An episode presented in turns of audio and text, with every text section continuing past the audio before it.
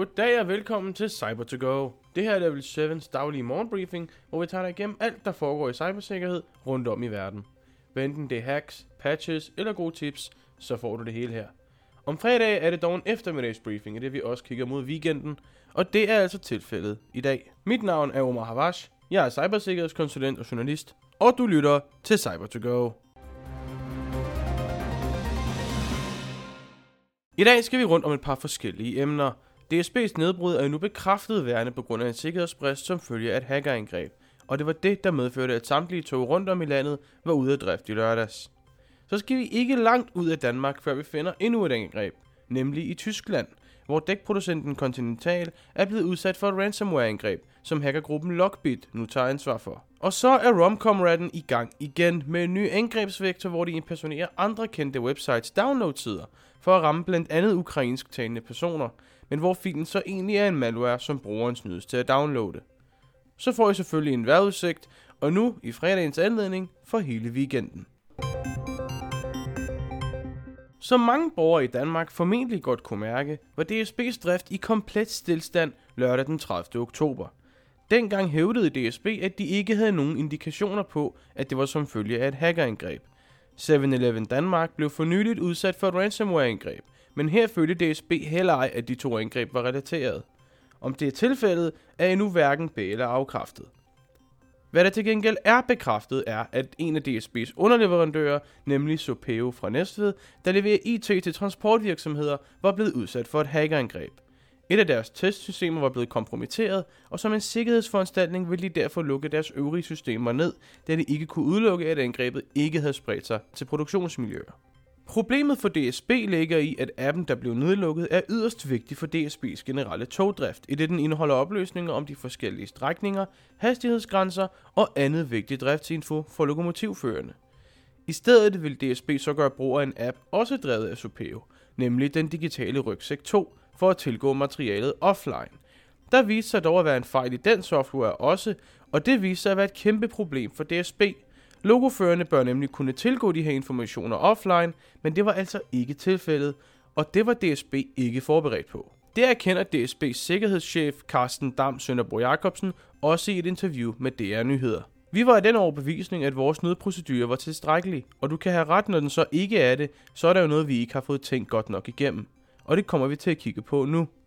Spurgt om DSB mener, at de var godt nok forberedt, var sikkerhedschefen igen klar i mailet. Det korte svar på det er nej. Det kunne vi jo se i lørdags, så det kommer vi til at kigge nærmere på nu. Vi skal sikre os, at det ikke sker i fremtiden, og hvis det nuværende setup ikke er godt nok, så må vi lave et supplement, lød det altså fra DSB's sikkerhedschef Carsten Dam Sønderbro Jacobsen til DR Nyheder, med henvisning til, at DSB ikke havde en offline backup, der kunne fungere udenom den digitale rygsæk 2 og de øvrige Supeo-systemer. Som følge af det blev togsdriften indstillet, indtil Superos leverancer var oppe og køre igen, og DSB's trafik kom så først i gang søndag den 31. oktober. Siden er tingene altså kommet op og køre igen, og DSB's togdrift er nu igen tilbage til normalen. For nyligt er den tyske dækproducent Continental blevet udsat for et hackerangreb. Hackergruppen Lockbit, som specialiserer sig i ransomware, havde taget ansvar for et cyberangreb hos den tyske koncern. Lockbit fortæller på deres datalægside, at de vil lægge alt fundet data som følge af cyberangrebet her i dag den 4. november kl. 18.45 dansk tid. Continentals vicepræsident for kommunikation og marketing, Catherine Blackwell, er blevet adspurgt om yderligere informationer af nyhedsmediet Bleeping Computer, men har blot henvist til en pressemeddelelse fra Continental fra tilbage i august. I august bekræftede den tyske koncern nemlig at have været udsat for et cyberangreb, og at man sammen med eksterne cybersikkerhedseksperter var i gang med at undersøge sagen. Der er ikke kommet nogen opdatering fra koncernens siden. Lockbit har endnu hverken nævnt, hvor meget data de har, eller hvornår angrebet, hvor i de eksfiltrerede dataen fra, fandt sted. Men det bliver vi formentlig klogere på hen over weekenden, så fremt Lockbit udgiver det data, de angiveligt har fra Continental. Romcom hackergruppen har haft travlt på det seneste. I forbindelse med Rusland-Ukraine-krigen har de været kendt for angrebsforsøg på ukrainske militærinstitutioner. I deres nyeste forsøg på massehacking ser det ud til, at de igen langer ud efter ukrainsk talende offer. Romcom er nemlig begyndt at impersonere officielle downloadportaler på programmer såsom SolarWinds netværkspræstationsmåler, KeyPass Password Manageren, PDF Reader Pro og VM Backup Recovery. Nogle af de her sider har de endda sat op med ukrainsk tekst. De kopierer HTML-koden fra de oprindelige sider og sætter så falske sider op, hvor der er en fil, som indlæses af den nu maliciøse installationsfil, der medfølger i downloaden. I den zip-fil, der så bliver downloadet af slutbrugeren, vil der ligge en maliciøs fil, som bliver indlæst af setup-filen, som en slutbruger normalt ellers vil klikke. Og det stopper ikke der. I eksemplet med SolarWinds Software har hackerne opsat det på en sådan måde, at slutbrugeren downloader den maliciøse fil, der er en modificeret udgave af den egentlige gratis legitime demoudgave, som SolarWinds ellers normalt tilbyder slutbrugere helt gratis for at kunne teste softwaren. Men de har også gjort noget andet. På SolarWinds officielle side kan man nemlig registrere sig hos SolarWinds, eksempelvis i forbindelse med at få en fuld udgave af softwaren. Her linker hackerne faktisk til den rigtige registreringsformular hos SolarWinds, hvor efter brugeren så vil blive ringet op af en rigtig legitim SolarWinds agent. For så at maskere URL-adresserne har de gjort brug af en taktik, der desværre er meget velkendt i cybersikkerhedsindustrien, nemlig det vi kalder typo squatting. Det vil sige, at man som hacker køber domæner, der er uhyre tæt på det egentlige domæne, man vil impersonere, refererende til, at besøger kan skrive lidt for hurtigt og få byttet rundt på to bogstaver. Så kommer de i stedet ind på hackerens side. Et eksempel kan være at købe ordet Google med et stort i.com i stedet for Google med et småt l, og så dele det link som for eksempel et søgeresultatslink. Det er en velkendt måde at gamble på, at brugere ikke altid lige kigger en ekstra gang igennem. Og så kan nogen måske falde i fælden. Som landet ligger nu, er der ikke yderligere detaljer på, hvordan de her sider, som Romcom har lavet, bliver spredt.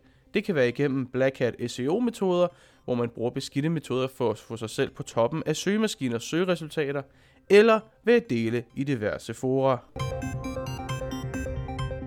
Så skal vi jo så også lige en tur ind om vejrudsigten. Nu er vi jo efterhånden ved vejens ende med den her fredag, men for resten af dagen bliver vejret for det meste skyet.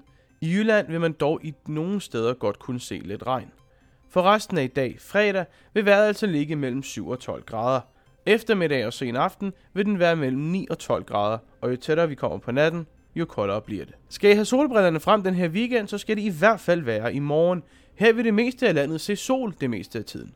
Der vil være lidt skyet, men sol vil altså præge det meste af dagen rundt om i landet, indtil vi rammer aftenen. Her vil man igen i Jylland se lidt regn nogle steder, men vejret i morgen står på sol og skyer og vil ligge imellem 7 og 11 grader. Søndag, jamen der går regn og skyerne altså mod øst, i det hele Danmark for det meste vil være præget af skyer og eller regn rundt om i landet. Og her vil vejret altså ligge mellem 7 og 12 grader. Hos Level 7 går vi meget op i at forbedre cybersikkerhedslandskabet i Danmark, både på et kommersielt virksomhedsplan og for dine ansatte. Vi er altid på udkig efter nye samarbejdspartnere, hvad enten det er fordi du ønsker, at vi udfører en pentest, mangler en CISO, eller gerne vil tilbyde noget sammen med Level 7 til dine kunder. Har det her interesse, så kan I altså gå ind på www.lvl7.dk og læse mere. Mit navn er Omar Havash, og du har lige lyttet til cyber to go af Level 7. I må have en fortsat skøn fredag, god weekend, og tak for at I lyttede med. Kør forsigtigt, og så ses vi altså på mandag igen.